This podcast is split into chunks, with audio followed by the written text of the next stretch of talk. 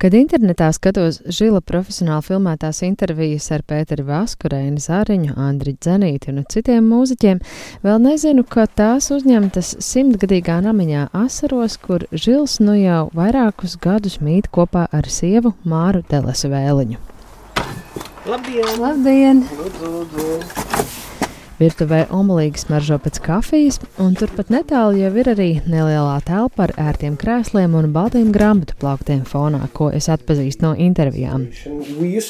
Here the, Jā, yeah, yeah, yeah, and uh, I had a very patient wife. Izrādās, šis ir Māras darba kabinets. Viņa ir zinātniece un pasniedz matemātikas statistiku Tartu Universitātē. Žilam ir grāts filozofijā un psihoanalīzē, un mūzikai viņu abu dzīvē ir ļoti svarīga loma.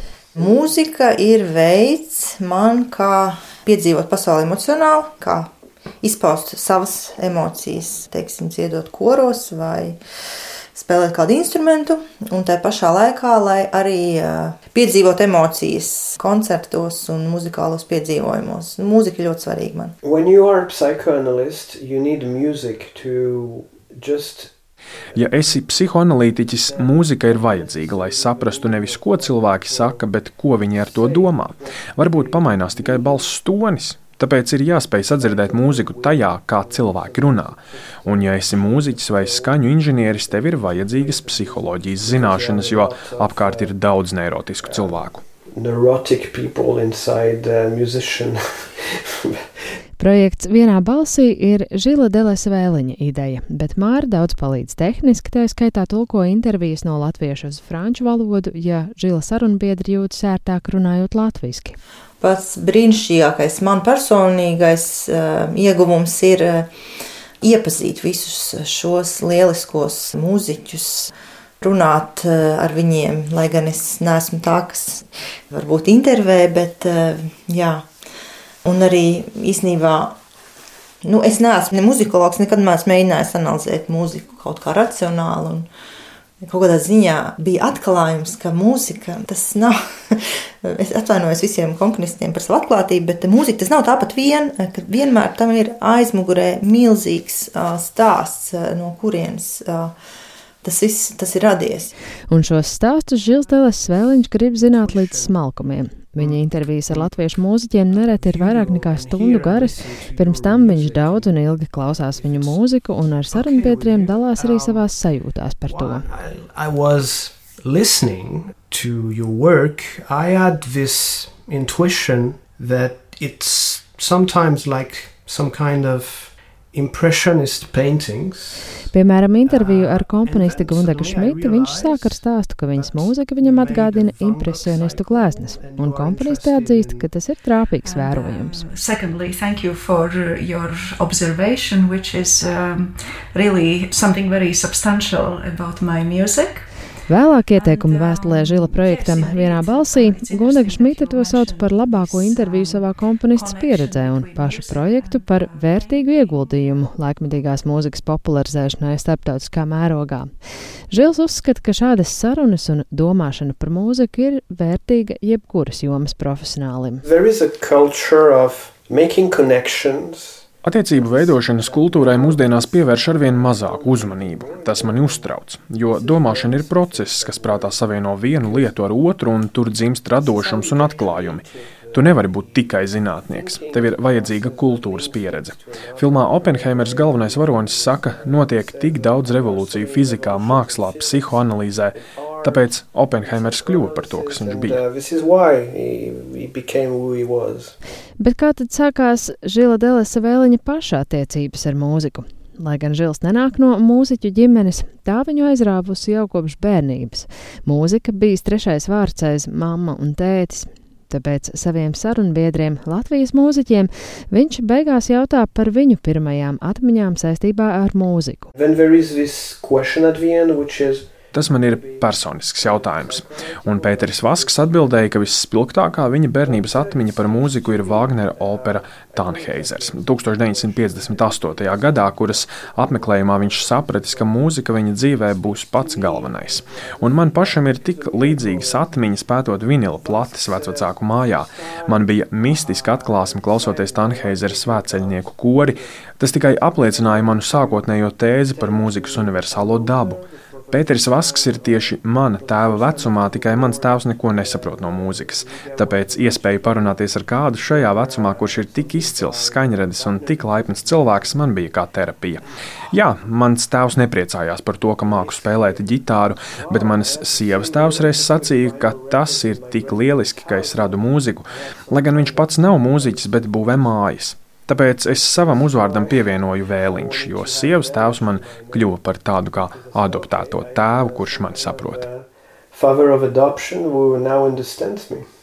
Arī par viņa iepazīšanos ar latviešu mūziku Žilam ir personisks stāsts. First song I heard was uh, Pirmais, ko dzirdēju no latviešu mūzikas, bija Jēkabā Jančevska dziesma Atsalums. Tas bija dienā, kad iepazināmies ar Māru. Tas bija hipnotizējoši, jo šajā skaņdarbā satiekas elementi gan no tautas, gan laikmetīgās mūzikas. Atceros, ka tobrīd pie sevis domāju, daudziem patiktu šo skaņdarbu klausīties, ja vien viņi zinātu, ka tas eksistē.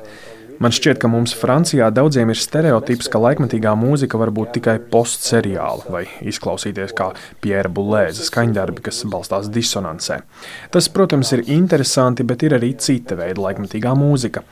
Tā nu es turpināju iepazīt bagātīgo Latvijas kormūziku un pamazām atklāju arī simfonisko. Piemēram, Pētera Vaska stīgu simfoniju balsis, kas ir īsts dabas un radīšanas attēls mūzikā un man saistās ar domāšanu, kas ir latviešu kultūras un mantojuma pamatā. Into Latvian culture and uh, inheritance. Gan Jānis Jančevskis, gan Pēteris Vasks tagad bijuši Žila Deles vēliņa intervijās. Abi ērtāk jutušies runājot latviešu valodā, ko Žils vēl pilnībā nepārvalda, tāpēc Māra palīdzējusi ar tulkojumu. Līdzīgi bijis arī ar komponistiem Andreju Salīcki un Māju Einfeldi, kuru Žils piemin, kad jautāju, kā uzrunātie reaģē uz šādu mazliet neparastu sarunas piedāvājumu. There were some people who were uh, kind of Daži uzrunāties sākumā bija mazliet atturīgi. Varbūt viņiem bijusi kāda nelāga interviju pieredze, tāpēc vajadzēja iegūt uzticību. Piemēram, Māja Einfelda bija aizkustināta par interesi, bet nevēlējās tikt filmēta. Es to respektēju. Viņa āleša pret sevi ir ļoti kritiska, līdz tam, ka viņa ir pat iznīcinājusi kādas savas kompozīcijas. Tāpēc man bija liels gandarījums, kad viņa teica, Žilis bija izvēlējies intervijai ļoti labu mana darba fragment, klausījos un secināju, ka tas vispār ir diezgan labs. It's, it's, it's so, oh, okay, When sometimes uh, this is frustrating, but I understand completely the meaning of the answers. Reizēm es sarunu biedru atbildes pilnībā saprotu tikai tad, kad transkribējam, tulkojam un montējam interviju. Tāpēc saruna ar Andreju Selītski man bija savā ziņā brīnumaina. Es jūtu saikni, kam netraucēja valodas barjera. Esmu pavadījis daudz laika iedziļinoties pareizticībā, lai piekļūtu tuvāk viņa pasaulē, un vairākas reizes viņš man teica, tas ir svarīgs jautājums. Paldies! Oh, oh, uh, Paldies par uh, jautājumu! Mūziķis, ko uzrunāt intervijai, Žils Delas Svēliņš izvēlas subjektīvi. Patīk viņa mūzika un izpildījums, gribas parādīt ārzemju publikai plašu latviešu laikmatīgās mūzikas ainavu. Pirmajā sezonā, kā Žils to sauc pēc analoģijas ar seriāliem, viņš YouTube publicējis deviņas sarunas. Finansiāli mazliet atbalstījusi Amerikas Latviešu apvienība, bet faktiski Žils visu darīs brīvprātīgi. Tuvākajā nākotnē viņš plāno vēl sešas vai deviņas intervijas. Atkarīgs vai izdosies tikt pie kultūra kapitāla fonda atbalsta. I'm waiting for uh, Capital's Kultūra fonds. Um, fundings, and uh, we'll see if we make six episodes or nine because the uh, entire first season was for free, more or less. So, yeah. Lai vairs nebūtu jāaizņem sievas darbistaba, nākamajām intervijām Žils Delas Svēliņš iekārtojas vietu pircēkā blakus mājai un labprāt man to parāda. Ready, but so you can see there are five cameras. Uh, Holy cow! Yeah, so I try now to record in uh, Fonā ir plaukti ar grāmatām, komponistu Šostakoviča un Ligeti fotografijām, divi krēsli, profesionālas gaismas, mikrofoni un vairākas kameras. Jautāju, kā Žils tiek galā ar visu šo aprīkojumu. Yeah, and uh, How do you operate this whole thing? I push the buttons and then I sit. so I do everything by myself. And Es nospiežu visas podziņas, tad pats sēžos kadrā un intervēju. Jā, es visu daru pats. Man virs kamerām būs jāpieliek sarakstīns ar obligāti izdarāmajām lietām. Citādi es esmu kā tāds pilots, kurš sāk vadīt lidmašīnu un tad atceras, ka kaut ko ir aizmirsis. Kāds mans draugs teica, bet tas taču ir trīs vai četru cilvēku darbs. Jā, tāpēc man tas ir diezgan stresaini.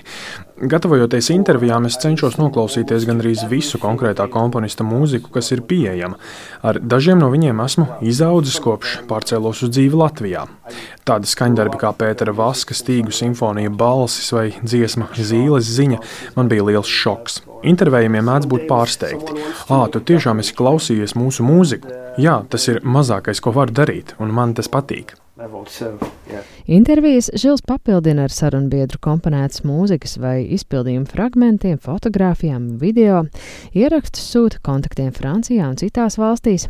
Ielausties pārsātinātajā informācijas tirgū gan nesot viegli. Tomēr Žils priecājas, ka, piemēram, kāds radioraidījums Francijā, kura analogs Latvijā varētu būt Orfeja auss LR3 klasika ēterā, reiz atskaņojis viņa sarunu ar Pēteri Vasku un analizējis Vaska skaņdarbu Tālā gaisma. Kādi tad ir Žila tālākie sarunu plāni? With. Um, Es jau esmu ierakstījis interviju ar violnieci Magdalēnu Geku, un tā ir pagaidām vienīgā intervija manā dzimtajā franču valodā. Gribu nointervēt Artūru Maskatu, kurš man atgādina tādu kā Latvijas Antonu Brukneru. Viņam ir kosmisks skatījums uz lietām. Redzēsim, vai man ir taisnība vai nē. Tāpat es labprāt uzrunātu Georgu Pelēci, kur mūzikā ir daudz maiguma. who uh, is, uh, his music is full of uh, tenderness. Sarunas beigās es saku Žilam Delasam Vēliņam, ka viņš šķietami peldas mūzikā, un viņš labprāt piekrīt. I am swimming in everything I find interesting. That's a quality, and that's uh, that's a problem. Jā, es peldos visā, kas man interesē. Tā ir vērtība un problēma reizē. Kad es rakstīju disertāciju filozofijā, varēju uzsēsties uz konkrēta autora un lasīt pilnīgi visu, ko viņš rakstījis. Citādi taču nevar iegūt pilnu priekšstatu. Picture of this, yeah. Līdzās mūziķu intervēšanas hobijam un psihoanalītiķa pamatdarbam Žils Delas Svēliņš arī spēlē ģitāru un komponē. Aprīlī viņš būs starp Latvijas mūziķiem, kas piedalīsies Tallinas mūzikas nedēļā. Virs jaunās interviju telpas ir iekārtota viņa studija, kurā ir vismaz 6 vai 7 ģitāras un ierakstu aprīkojums. Žila paša mūzika būtu jau citas sarunas tēma, bet noskaņai viņš piekrīt mazliet paimprovizēt. thank you.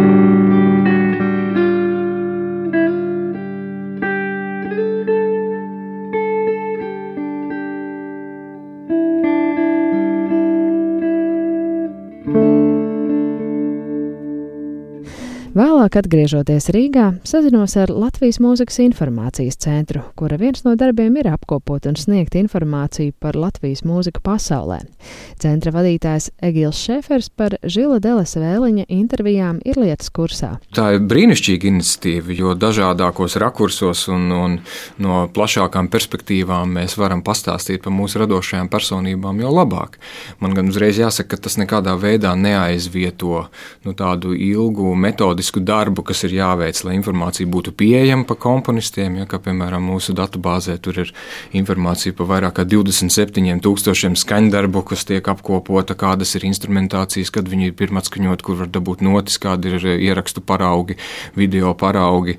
Tāpat tās par radošām personībām, kas ir komponisti un mūziķi, mums ir vairāk kā tūkstots viņi. Ja. Bet kas ir interesanti šajā gadījumā, ir tas, ka tas ir personisks vēstījums, un viņš nāk no cilvēka, kuram varbūt nav mūsu Latvijas stereotipi.